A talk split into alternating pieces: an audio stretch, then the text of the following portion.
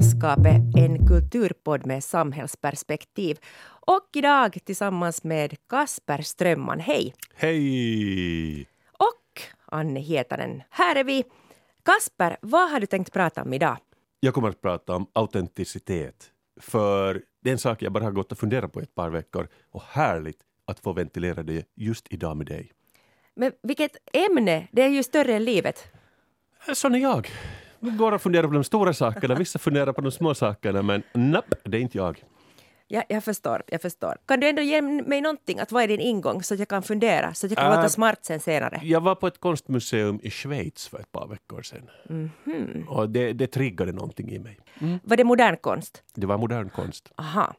Jag kommer att ge livet tillbaka till alla som skäms över att de prokrastinerar. Mhm. Det är mitt mål i alla fall. Också, också ett stort ämne. Jag tror att jag kommer att ge ett nytt glatt liv till alla som någon gång har legat i sängen och försökt ta sig an dagens uppgift men inte bara kommit till skott. Det är nämligen så att eh, i Tokyo har det öppnat ett nytt café för alla som inte får tummen ur. Den heter, det här kaféet heter The Manuscript Writing Café. De är internationella. Jo, och lyssna på det här. Det, det är alltså för alla som tampas med skrivande och kanske inte alltid får tummen ur och rid, äh, rider, lider av det här vita papprets skräck. Det öppna Word-dokumentets skräck. Man går till det här kaféet då och så berättar man åt kaféägaren hur mycket man tänker skriva under dagen. Och så beställer man samtidigt övervakning. Och man kan beställa olika grader av övervakning. Eh, man kan säga att servitören ska komma och titta några gånger i timmen och kolla att hur går det för dig. Eller sen det mest extrema, att man beställer någon som står bakom en hela tiden och vaktar på en. så där bakom ryggen. Och sen är det så att du får inte gå ut ur det här kaféet om inte du har slutfört det som du sa att du skulle göra innan du kom in dit. Och medan du sitter där så får du också som uppmuntran dricka så mycket kaffe eller te som du vill. Och ibland så får du små gratis snacks och annan sån här uppmuntran om servitören ser att nu, nu, nu, nu behöver hon eller han lite uppmuntran. Och det här är inte heller jättedyrt, det kostar ungefär två euro per timme. Hur, hur går det här ihop? För jag har alltid funderat på det där att folk som jobbar på café, de tar en kopp kaffe och sitter där i åtta timmar. Och jag har alltid tänkt att det här är världens sämsta businessmodell. Men tydligen, det är inte så det funkar i Japan. Eh, Inte på det här kaféet. Det här Nej. är alltså fortfarande... eh, Jag har inte hört om flera av den här sorten, men att jag tror att här har den här kaféägaren bara resignerat och tänkt att okej, det är så här som det ser ut. Men jag vet åtminstone på Manhattan så tycker jag att de, de flesta kaféer har en sån här... Att de har ingen wifi. Ah, Och till och med så, jag tycker till och med att det på något sätt står på ett snällt sätt att man inte ska jobba där. nej, jag förstår. Alltså jag kan relatera till ägaren. Nå, men det här kaféet, skulle det vara något för dig, Kasper? Är det här någon maffiagrej? Alltså jag, jag känner mig lite osäker på att hur billigt det är. Liksom, hur kan det här fungera? Det är också ett dyrt land. Men sen så, nej, jag, jag, har, jag har självkontroll. Du prokrastinerar inte. Det är klart jag gör, men det är så där, jag kan alltid säga till mig själv att den här tiden jag använder på social media, det är ju mitt jobb, jag är ju en influencer, det är här jag ska vara. Så jag har på något sätt bara maskera prokrastinationen till någon slags research eller jobb. Bra, mycket bra. Och speciellt om du inte är den då som går och viker tvätt och börjar dammsuga istället och så, så då, då är det ju inte så farligt. Ah, men jag hyr ett arbetsrum. Och det här är grejen, man ska ha ett kontor att gå till. Hemma skulle du ju aldrig lyckas. Okej, tack att du säger det. Mm. Så du är inte, heller, du är inte en övermänniska. Nej, nej, men man ska, man ska, man ska ha 15 minuter, 20 minuters... Man ska, man ska gå någonstans. Jo, och sen tror jag också det att om du betalar för det där arbetsrummet, jag tror alltid när man betalar för någonting så då är det mera värdefullt. Att det, man börjar inte gå dit och bara drischa. Det är mitt prokrastineringscafé. Just det, för då vet man att barn ska hämtas på förskolan och så här. Så att ja, man, man använder den tid man har då. En del människor säger just att om de har fått barn så de blir vi mera effektiva för att då vet du att tiden är på kort, att du bara måste skärpa dig. Och många har kunnat jobba mycket mer effektivt för att de har haft mycket, mycket mindre tid. Jo, jo, alltså det är inte mer sådär, förut satt jag uppe hela nätterna och liksom sådär, jag gör musik eller något sånt där, men det är ju slut med sånt nu. Kan jag höra den där rösten igen? Hur, hur sa du det? Uh, Ja, ja, musik. ja, men du vet, du vet hur folk är. Ja. Ja. Men prokrastinering, det sägs ju att det har blivit en sjukdom av vår tid och att det är så mycket nu, det är internet och det är det ena och det andra. Men man har alla tider sagt att nu är det så stressigt. Det var industrialisering. Det var säkert jättehektiskt under medeltiden när man skulle springa mellan kyrkorna och det var det ena och det andra. Och, jag kommer nog ihåg när man läste till äh, prov i skolan från pappersböcker. Det är ju inte alltid heller så härligt. Man hittar nog på något annat att göra. En Gameboy dit bredvid eller, nå- eller något sånt här. Jag måste säga att det värsta med studietiden och skolan överlag var de där hemläxorna. För de, de var... Jag, jag orkade aldrig göra dem, men det var inte så att jag godkände att jag inte gjorde dem, utan jag mådde ändå illa, hade dåligt samvete över att jag inte gjorde dem. Jag har också den här teorin, lyssna på det här. Om du jobbar någonstans, säg Svenska Yle, och sen säger din chef till dig så här, Anne, nu måste du ta hem de här och jobba på kvällen, så är det sådär, aldrig i livet, facket kommer att döda dig. Men om du är skolbarn och det här, här får du läxor, du ska jobba på dem i en timme hemma, alla sådär, ja, ja, ja, det är bra, barn ska ha läxor och folk blir oroliga om de inte så att säga tar jobb hem. Så att på sätt och vis så vi liksom slussar barn in i den här modellen. Vi lär dem att det ska vara okej att ta jobb hem, men sen blir det mitt i allt absolut förbjudet när du actually jobbar. Så man borde förbjuda barn att göra läxor. De, eller, så ska det vara okej att jobba efter arbetstid, men vi kan inte ha det på det här sättet att liksom den, det, det, det finns två olika sätt av regler beroende på om du jobbar eller inte. Men som sagt, det är inte alls sant att vi nu har blivit extra, hur ska jag säga, Okej, det kanske är extra stressigt nu och det är svårt att ta sig an saker om man är lätt distraherad. Men alltså det här är ett problem som människorna alltid har upplevt. Och eh, Hugo Gernsback, en science fiction-författare, så han uppfann en otrolig apparat som hette The Isolator. Isolatorn, så här på svenska. 1925 såg den dagens ljus. Och han, Men, men jag sa också att du sa det lite på östnyländska dessutom för att göra det ännu mera. Isolatorn sa du. Isolatorn. Ja. Alltså tänk er att ha en isolator. Lyssna på det här. Han, han ville koncentrera sig bättre då när han skrev sina science fiction-böcker. Och han tänkte att nu är den här omgivningen oerhört störande. Så han lagade en hjälm, enorm hjälm, som en upp och nedvänd tank som man satt över huvudet. Och den blockerar ljud och också synen. Det var sådana här små, små gluggar bara, så att man kunde inte titta jättemycket runt omkring sig, utan man kunde se sina händer ungefär och det var man skrev. Och sen var den också så tätt isolerad att han hade sådana här slangar därifrån som det kom syre in, som han satt bredvid en syretank.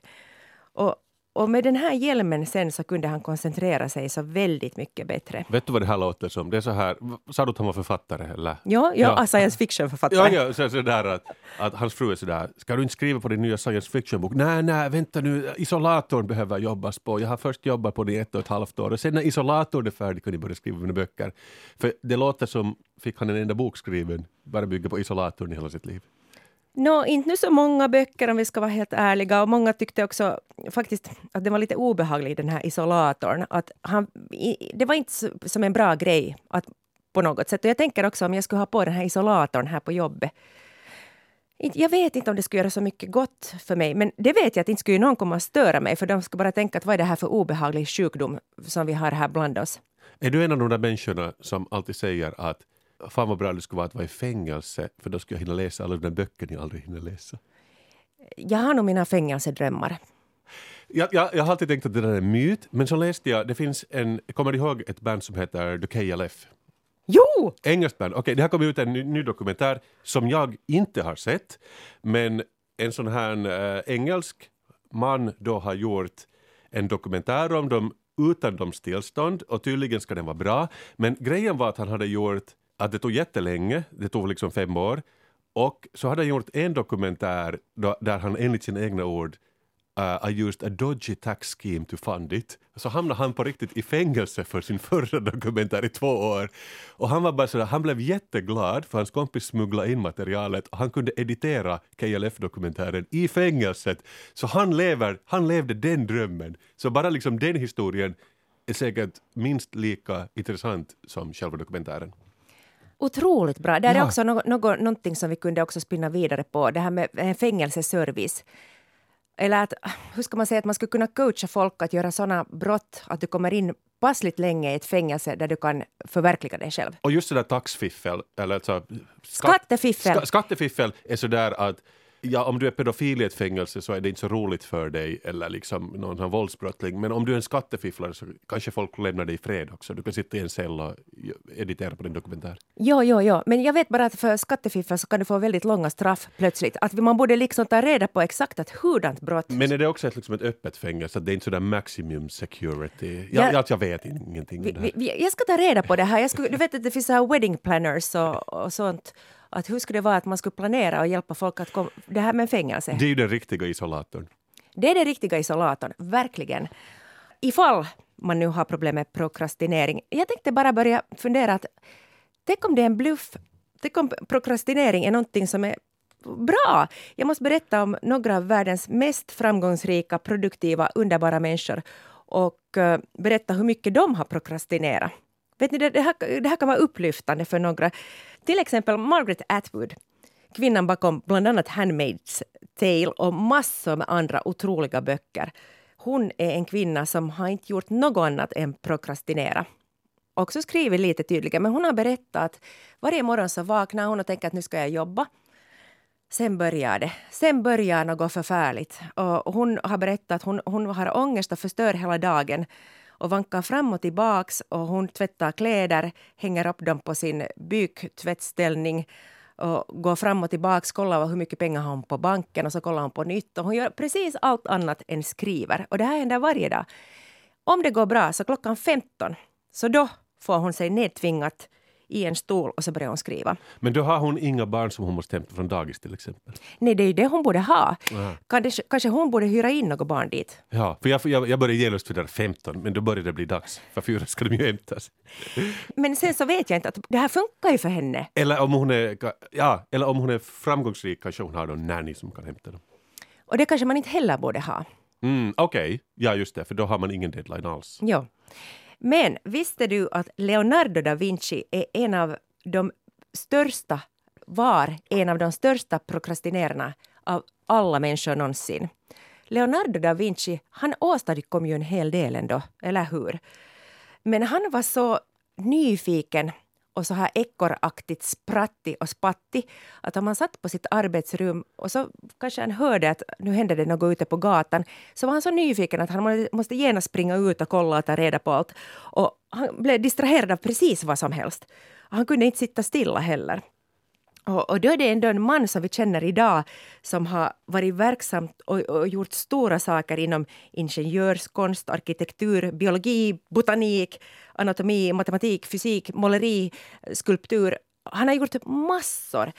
Men till exempel Mona Lisa, mycket liten tavla. Man tänker att det skulle gå ganska snabbt att klotta ihop den. Ja, och folk blir alltid besvikna när de ser den på riktigt, för att den är ganska liten. Verkligen. Vad tänker du, hur lång tid borde det ta att göra den?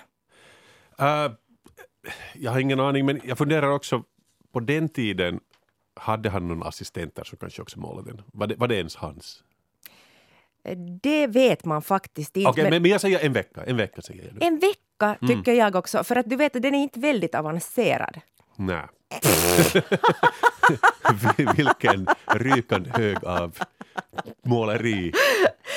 Men vet ni vad, alltså, om han hade assistenter så de var inte heller så bra i så fall. Det tog 16 år för honom att få What? lilla Mona Lisa Lägg klar. av. Trett- Okej. eh, 16 år. 16 år? Okej, så det är det som liksom... Nu, nu, okej, jag, jag, jag har ju aldrig fattat varför den är så populär, men kanske det är det då. Nå, sen har han också gjort eh, den sista måltiden, The Last Supper. Just det. Inte gick det ju bra med den heller. Han höll på att klotta och rodda och hade sig. Och så blev de lite arga, de som hade beställt den och, och frågade alltid ibland att varför, varför kommer inte den? Så sa han att "Nå, jag har problem med Judas ansikte, att jag får inte riktigt till den. Att hur ska jag få den här svekfulla, hemska människan porträtterad? Att om du frågar mig en gång till så kommer jag att sätta ditt ansikte dit. Okej. Vilket ledde till att ingen vågade fråga något mer om den här och den tog också... Mm, hur många år tog den? Den tog hundra år att göra klar. Den blev aldrig klar. Uh, Inte hundra, men jag förstår vad du menar. Den blev klar. Ja. Nå, det som är tråkigt här är att sen när han blev gammal och, och skulle dö så såg han sig själv som jättemisslyckad. Han tänkte att han har aldrig fått något gjort och aldrig något klart och han var superolycklig. Och, och han tänkte att han har bara lämnat saker halvdant efter sig och aldrig fått något färdigt. Och det här tycker jag är på något sätt bra för oss att, att tänka på. Att, att, tänk hur mycket han gjorde men att han ändå var misslyckad, alltså kände sig misslyckad för att han hade prokrastinerat så mycket.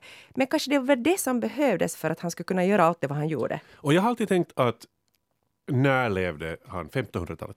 Ja. Kanske. ja. Att det var, det var inte liksom kvartalstänk på den tiden. Att det var inte så där fyra månader och nu ska tavlan vara färdig. Så jag är förvånad att de eh, lät honom hålla på så länge som 16 år. För jag funderar, också sådär musiker, ännu på 70-talet kunde de slänga in något band någonstans i ett halvår i en studio så fick de bara liksom jamma lite. Jag tror inte att sånt flyger mera. Att det är väl också världen omkring oss har förändrats. Så därför, det, så jag, jag tänkte att det var det normala förut, men ändå jag är glad att folk håll, höll lite koll på Leo också. Men inte tillräckligt. Nej, okej. Okay. Att han borde haft någon, någon som skulle ha stått bakom hans rygg hela tiden eller så skulle han fått vara i fängelse lite mera. Han borde ha gått på japanskt café. Absolut. Men jag sparar min bästa prokrastineringshistoria till sist och det är arkitekten Frank Lloyd Wright. Det är han som har ritat Guggenheim. För och övrigt. också Falling Waterhouse. Falling Waterhouse och det är den jag ska berätta om. Okay. Eh, han fick det här uppdraget av en privatperson. Han, han ritar inte vanligtvis till privatpersoner, men han fick den här beställningen på det här Falling Water. Fantastisk byggnad. Mm. Den ser ut, den, dens grej är den att den är som insmält i naturen och det ser ut lite som ett... Nå, no, no, inte ser det ut som rinnande vatten, men den är ganska snygg faktiskt. Alltså den är byggd typ på en bäck eller ett litet vattenfall. Och det är därför den heter Falling Waterhouse. Att det där vattnet på något sätt går, inte kanske genom, men under huset så att du hela tiden är nära den, det här huset, Falling Water-huset, så det, det, är ett nationellt historiskt landmärke.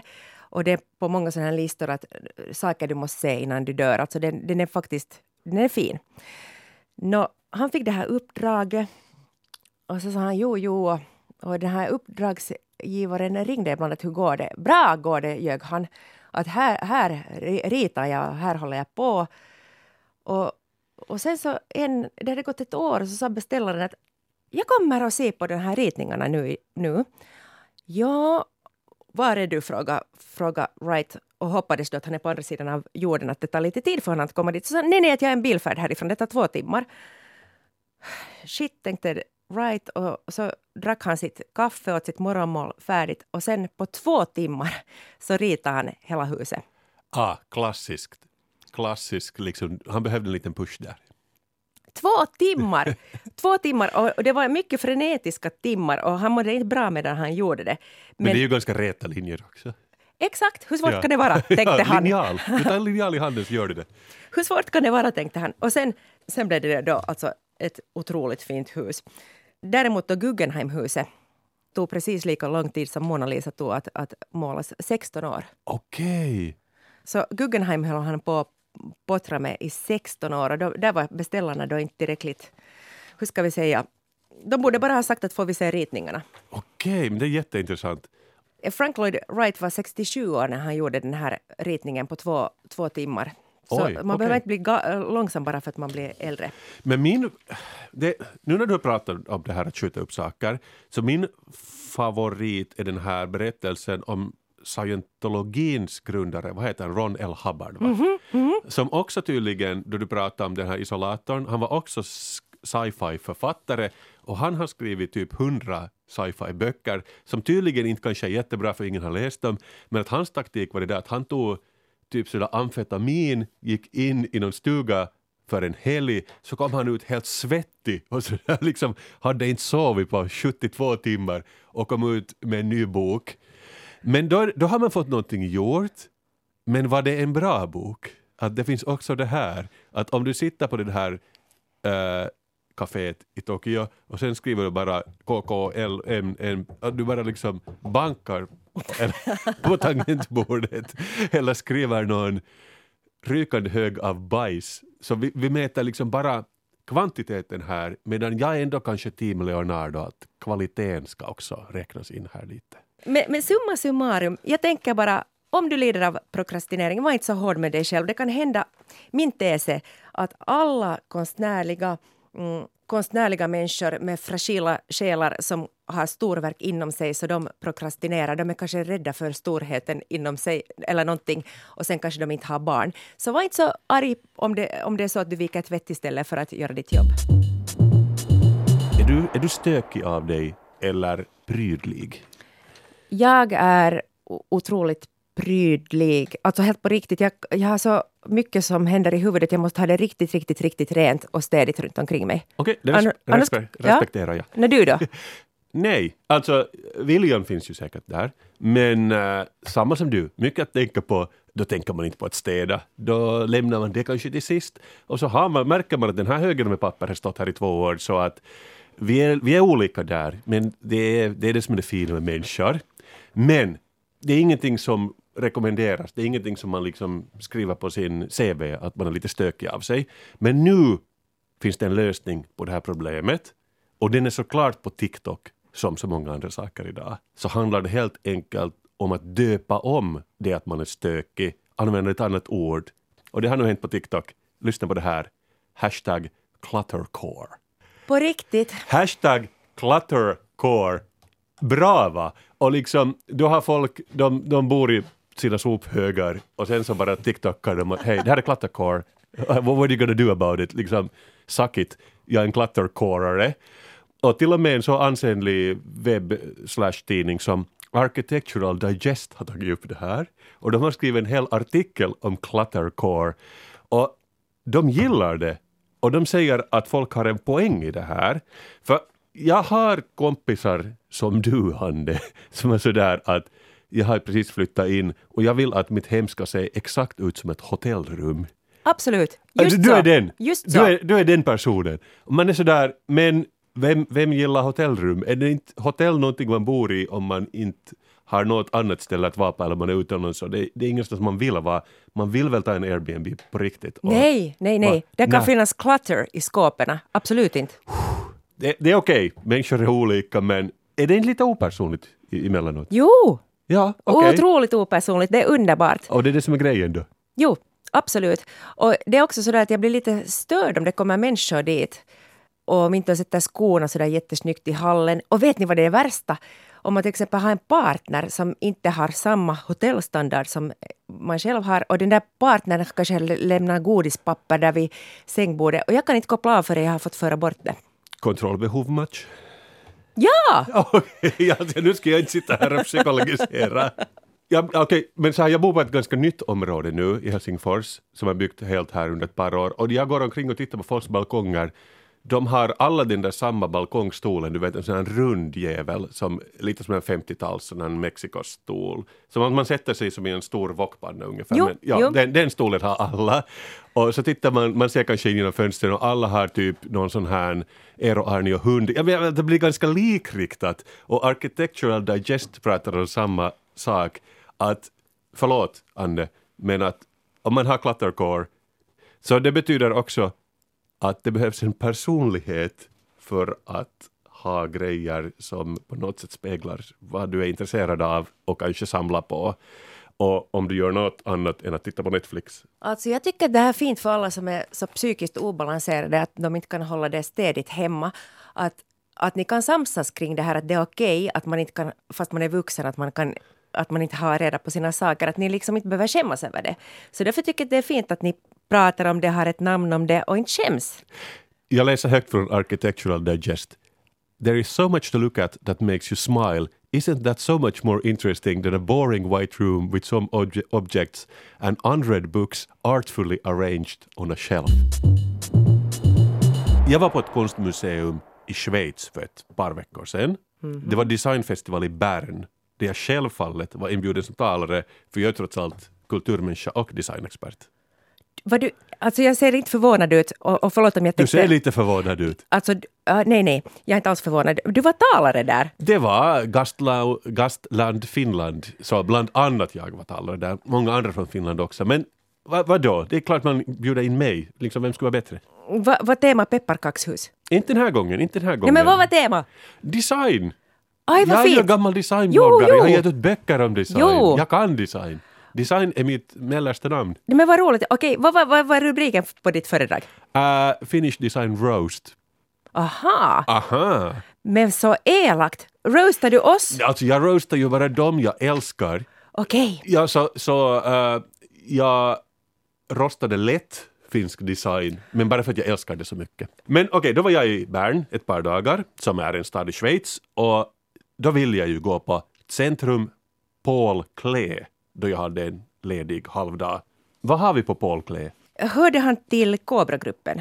Det vet jag ingenting om. För jag, jag visste faktiskt mycket lite, äh, miniskulöst lite om Paul, eller Paul Klee, för han var ju trots allt schweizare, så, så att han kanske uttalade Paul. Men jag visste inte så mycket om den här artisten, men det handlar alltså om en tysk-schweizisk målare som är född 1879, som höll på med abstrakt och avantgarde-konst. Och sen var han också kompis med de flesta den tidens andra gubbar som höll på med, dem, med samma grejer, liksom Kandinsky och vem det nu kunde vara. Men de gjorde, de gjorde sån här väldigt för sin tid modern konst som blev abstraktare och abstraktare, uh, kuber och så, sånt här. Det var, det, var, det var chockerande konst på den tiden. Uh, expressionism, kubism, primitism, surrealism. De älskade den skiten på den tiden så att han, han gjorde dem alla. Och sen var han ju lärare på Bauhausskolan på 30-talet. Så då förstår man ju, han gjorde den tidens förbjudna konst. Och mycket riktigt, enligt nazisterna så var han en quote unquote fördärvlig konstnär och politiskt opålitlig. Så det betyder ju att med dagens ord kunde man väl säga att han var bara bra och liksom nytänkande för att han gjorde saker som nazisterna inte tyckte om. Folk uppmanades faktiskt att bränna hans böcker på bål. Så det kan man ju också se som en merit i den moderna människans ögon. Men okej, okay, han har då ett eget konstmuseum i Bern som då först kom kommit dit på 2000-talet. Uh, eh, han var tydligen då född i den trakten fast han verkar i Tyskland största delen av sitt liv. Och det här konstmuseet det är ju såklart också ganska spektakulärt. Det är ritat av Renzo Piano som också är en världsberömd arkitekt. Det stod färdigt 2005. Det ser ganska mycket ut som en simhall faktiskt, eller någon slags tennis Det är en stålvalv och, och, den ligger, jag vet inte, den ligger liksom bredvid en motorväg och, och lite så här, du vet. Och största delen eller åtminstone en väldigt stor del av allt som Paul Klee någonsin har producerat så finns på det här museet, eller centrumet som de kallar det. Och, men det, det är det som är lite skojigt, att eftersom då tydligen de har en stor skylt också när man kommer in på tyska där, att, att alla Paul Klees skisser är så otroligt ömtåliga så man kan inte ha dem ens i dagsljus. Så största delen av det här museet är faktiskt under jord när man kommer in så i de här stora hallarna det är bara någon sån här giftshop och café. Men så går man ner en trappa och så är det sån här mörkt, luftkontrollerat, fuktighetskontrollerat stora salar där den här konsten stod. Luftfuktighet, värme, ljus ska vara exakt rätt. Och så står det ännu att, att han jobbar med någon material som bara vittrar sönder. Så därför man kan inte ens ha de här alla konstverken och skisserna mer än två månader åt gången för display. För att sen ska de in och vila, stod det. Ja, jag gillar det. Det blir väldigt exklusivt. Och du, du är speciell när du får se dem bara en liten stund. Du ska ja. vara där rätt stund för att få se just det här verket. Men jag bara började fundera på hur glorifierade de här skisserna var med tanke på att jag är inte så insatt i Paul Klees liv. Och, och sen började jag fundera på det där också, att hur väldigt random det är i vem som blir en uppburen konstnär postumt och vem som blir helt bortglömd. Jag röstar på att jag kommer att bli helt bortglömd. Och sen just det här att det, det kanske, får man säga det högt också att det att nazisterna hatade hans konst, det hjälpte ju verkligen att bygga myten av Paul Klee. Det gjorde ju honom till en mer farlig och så här innovativ konstnär. Att det fanns ett helt, ett helt land vars ledning och system hatade hans konst för att det var fördärvlig. Jag funderar alltså, skulle du vilja bli postumt jättestor? Men det är väl ingen idé att bli postumt. Man ska väl, ja men vad får jag ut av det? Just det, just Nä. det. Du sa just, vad var det du sa nu? Att du tror inte att du blir berömd på det här sättet? Ja, att, att eh, för det första har jag slängt bort alla mina skisser. Uh, Så man kan det. inte ha dem i ett underjordiskt Nej, man kan inte. Men jag tänkte bara att om du nu skulle från och med idag börja spara, jag ser att du sitter och ritar och målar och klottar här med dina färgpennor, att om du nu skulle spara dem, så det som skulle kunna rädda dig är att, att du dör på ett otroligt sätt. Till exempel Sant. nu, eller du kan rita lite här en vecka ännu, ska vi säga om en vecka, Och så sätter jag på mig isolatorn och, Jo. och stryper syretillförseln. Exakt! Så att vi kan lite jobba på den här mytbildningen. Och, sen, och sen behöver du inte dö på riktigt för du vill inte ha den där postuma berömmelsen. Utan sen så stiger du upp från det döda och säger att jag är här, att det var, det var en performance. Surprise! Har vi något på gång här, tror du? Kanske? Eh, Låter det här autentiskt? nå, vissa människor kommer inte tycka om att jag har fejkat min död. Nej, nej. Och det finns ju just den här Anna Odell i Sverige fejka att hon var psykos och det blev ju nog lite backlash på det. Men att visst, jag tror att det är... Det, jag, tror, jag tror vi kan jobba med det här. Jo, okej, du behöver inte Ja. fejka något. Jag kan, fast misshandla det är svårt. Jag är upp för det. Det är inte ens egentligen det jag ville prata om, hur berömd jag kommer att bli postumt eller hur berömd Paul Klee är. Utan mitt bland alla de här skisserna så hade de faktiskt då ett mera fulländat verk, ett färdigt, en färdig tavla if you will, som var från Bauhaus-åren, som vad blir det, 30-tal. Uh, snygg, i sådana jordiga färger som är lite mode just nu. Ungefär som Zelensky klär sig. Mm grönt, armégrönt, brunt och det var lite kubism kanske över det. det är så väldigt geometriskt. Men sen när man gick närmare, det var en sån här en, vithårig, väldigt gammal gubbguide som förklarade på tyska åt de studenter vad det var frågan om. Jag, jag följde efter men min tyska är sådär halvbra så jag förstod inte varje ord. Men okej, man gick jättenära den här tavlan som inte ens var jättestor men den var jättesnygg. Och så hade de en liten skylt bredvid den. Och så stod det att, vet ni vad? Den här tavlan är också otroligt ömtålig. Så det här är inte ens den riktiga tavlan. Nej. Det här är en replika. Nej, men En otroligt välgjord kopia som vi hade artesaner att jobba på den och den är exakt som den riktiga tavlan. Men det är inte den riktiga tavlan. Jag skulle inte ha märkt någonting om det skulle varit för den lappen. För den var verkligen, de hade fått den att se lite så gammal ut också. Kanske haft lite så smuts på ramarna. Men det triggar mig ändå lite att vi har ändå någon slags jakt på autenticitet, autenticitet som bara ökar hela tiden. Inom konsten, inom samhället men också inom livet. Att till exempel, det ryktas ju om att du pratade om Mona Lisa tidigare, att det inte heller är den äkta varan. Ingen vet ju om det är den äkta. De säger att Lenins mausoleum, det kanske är en vaxdocka. Men folk vill inte ha det. De vill ha riktiga balsamerade Lenin, de vill ha riktiga Mona Lisa. Och jag känner så här, okej, vill jag ha en riktig Paul Klee eller räcker det att jag får se den här otroligt välgjorda kopian? det är någonting som, ju, som är mycket provocerande med det där. Och jag tror att det göra med sammanhanget. Alltså, Andy Warhol, om du ser en replika av Andy Warhol så det känns inte illa i dig på samma sätt.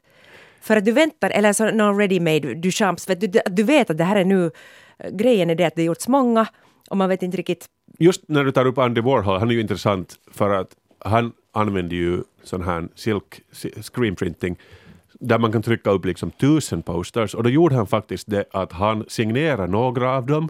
Ibland lät han någon av hans kompisar bara signera dem och sen vissa signerade han inte alls. Och det som folk samlar på dem, de vill ha den med signeringen. De vill inte ha dem med hans kompisars signeringar eller de utan. De är helt värdelösa. Men att det att han har skrivit sitt namn på dem gör dem värdefulla. Så det är just den här samma grejen att magiska skrivandet där som gör den autentisk på något sätt och då tryckte han liksom upp okej hundratals om inte tusentals av Brillo-pads tavlor. Sen är det också det att när man köper något numrerad av de här verkena så är det Ja. alltid finare att om det är, bör, om det är ett, nummer ett, så Ja. det, det är liksom, då är man på något sätt närmare där kärnan och det är mera äkta. Ja. Men det är också det att just då blev den här lilla tavlan för mig på museet helt värdelös. Du, alla, alla fattar att det är inte ett original. Men det, som du säger, det är ju en liksom en grundläggande filosofisk fråga på något sätt. Det finns den här klassikern, frågan att om du byter ut varje mutter och stålbalk på Eiffeltornet så är det ännu Eiffeltornet. Får man kalla det för Eiffeltornet om du har bytt ut varenda del på det? Och då är det, det rätta svaret är tydligen ja. det är ännu Eiffeltornet. För det är Eiffeltornets koncept som räknas och du får göra maintenance. Du får, du får byta ut delar och det hamnar de tydligen göra också för det var menat att vara en tillfällig eh, installation då någon gång när den byggdes för länge sedan.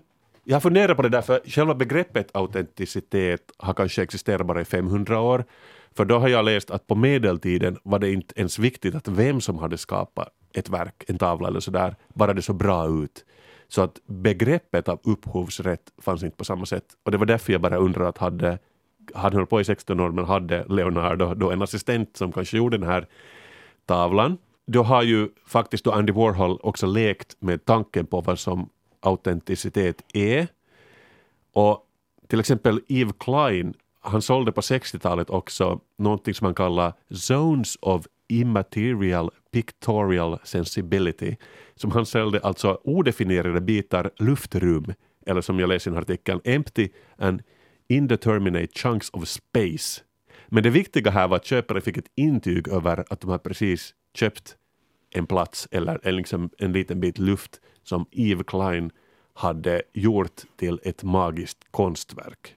Och jag tar upp det här för det har varit mycket snack i och med det här nyaste NFTs som alla verkligen inte älskar. Men det är ju det senaste inom autenticiteten. Att man med hjälp av ett digitalt intyg på ett ganska konstgjort sätt bygger in autenticitet i massproducerade digitala filer. Och det tycks också fungera, för folk älskar ju den skiten. De är sådär, köp mera NFTs, jag vill ha en apa. Inte det är ju riktigt mainstream ännu. Nej, okej, okay, men att det, det är på gång. Det är på gång, men jag ja. vet inte att till exempel Runebergs hem i Borgå skulle ha köpt jättemycket NFTs. Nej, det har de inte gjort. Inte ännu, men, så det är nog, det är nog, men det är intressant att Klein gjorde det här i princip redan på sin tid. Kommer du ihåg, Anne, någon gång där kring millennieskiftet man kunde köpa en hektar av månen eller en egen kärna till någon annan som present. Oj, vad jag gav stjärnor åt folk. Du gjorde det? Nej, nej, nej, nej. nej. alltså jag är nästan helt säker på att jag har fått i sådär som någon rolig present att alltså det går ju inte att köpa stjärnor och ge bort dem. Men det var någon sån här obskyr webbsida, eller som var ganska populär på den tiden. Jo, jo, alltså alla gjorde det här. Jag kommer ihåg det väldigt bra. Ja, men du kommer ihåg jo, jo. Okej, okay, okej, okay. just det. Och det var ju också, det var ju bara bullshit. Liksom, du kan inte, ingen äger ju månen, ingen äger en stjärna jättelångt borta, så väldigt extremt skakigt juridiskt. Men folk var ju med på det på något sätt, att det, här, att det är mer som ett skämt att jag har det här inramade diplomet att jag äger nu en, vad heter det, hektar av Sea of Tranquility på månen eller vad det nu heter. Och jag, jag, jag påstår att NFT som jag har nu är i princip samma sak men en slags turbocharged version. Vad jag försöker säga är att man, när man en gång som jag då har börjat fundera på vad autenticitet är så är det verkligen en slippery slope.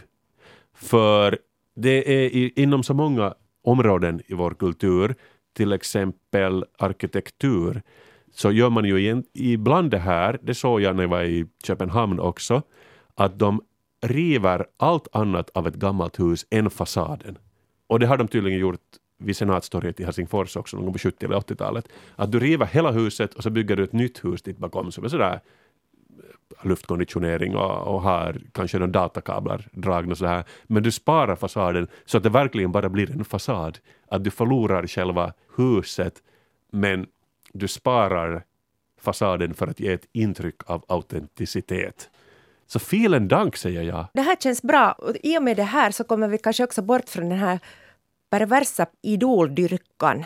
Mm. Du går på konsert, det, kan, det behöver inte vara Lady Gaga. Det kan vara någon som har en peruk och en sång. Vem bryr sig om fasaden har bara funnits i hundra år i Finlands natur. Den är vacker att titta på. Ja, ja, man ska kanske inte ifrågasätta heller så mycket, utan ta det som kommer framför dig. Lupiner, hur fina som helst. Den här grejen när man byter ut saker, så, så det var Hobbes som kom på, Thomas Hobbes som kom på det här tankeexperimentet Theseus-skeppet. Alltså just det där att Theseus-skeppet var byggt av plankor. Ah. Och så när det går, vittrar sönder eh, en planka så byter det, byter, byter alla borta. Är det samma skepp? Och, och det här, fortfarande i filosofiskolorna så sitter man och funderar på det här. Ah, Okej, okay, så det är inte löst ännu? Nej, det kommer ju aldrig att lösas. Eller ah. löste du det redan tidigare? Uh, jag bara slängde ut någonting. Vad sa du? du, du jag, jag, jag sa jag pratar om Eiffeltornet. Jag påstår att Eiffeltornet är ännu Eiffeltornet fast du byter ut varenda, Varenda en. stålbalk på den. Ja, jag säger, Sån är jag. sån är du. Jag, jag tar inte ställning till det här spörsmålet. Jag tänker grubbla på det resten av mitt liv. Jag har tittat på en ny serie som heter Life and Beth på Disney+. Plus och Den är skriven, producerad och regisserad av Amy Schumer. Ah. Och jag har, har alltid försökt gilla Amy Schumer väldigt mycket. Jag tycker det är fint med kvinnor. jag tycker det är fint med kvinnor som tar in sig i den här tidigare så mansdominerade branschen. Men jag har aldrig gillat henne. Jag har inte tyckt att hon är kul. Den här nya serien verkar vara ganska så bra. Den är både eh, rolig och eh, djup. Och sen det här tar emot att, se, att prata med en kvinnas utseende tar väldigt, väldigt, väldigt mycket emot. Okej, vi lever 2022, men jag tycker ändå att det är fräscht att Amy Schumer inte är så alltså Hollywood fotomodell snygg. Alltså att hon, hon ser ut som en vanlig härlig kvinna.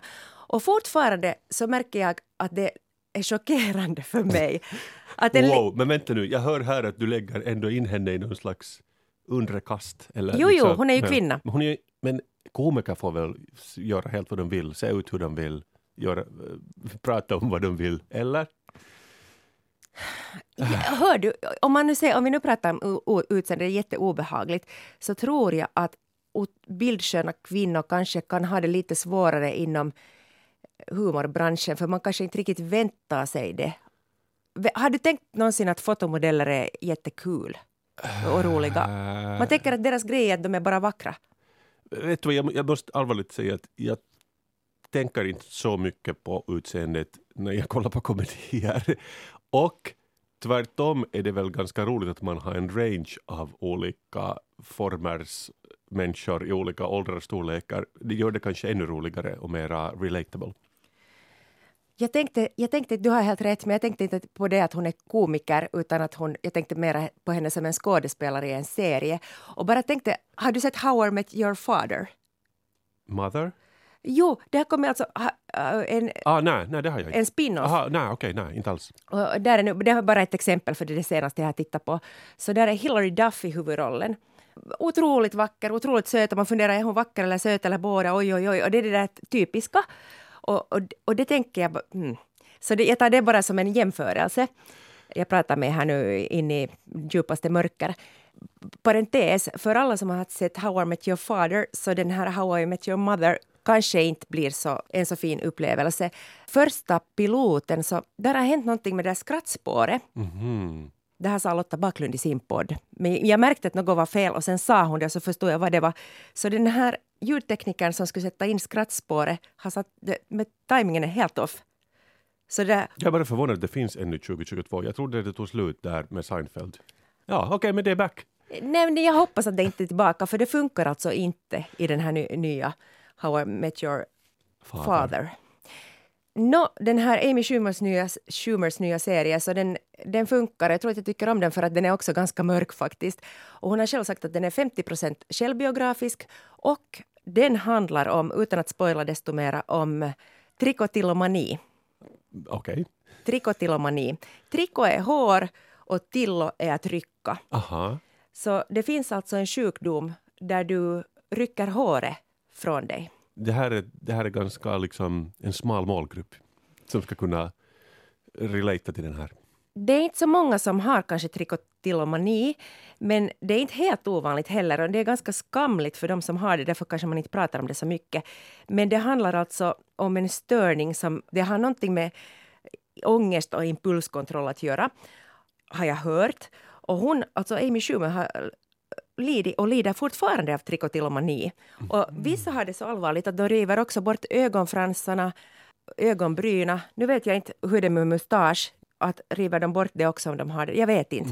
Så jag tänker bara, okej, vi är få som har trikotillomani, men många har kanske något fel. Nej, men jag fattar. Då utgår hon från sina egna erfarenheter. Lättare att skriva om något man känner till. Jo, så den kan jag faktiskt rekommendera helt utan, Vad sa att, du att ut- utan att ljuga.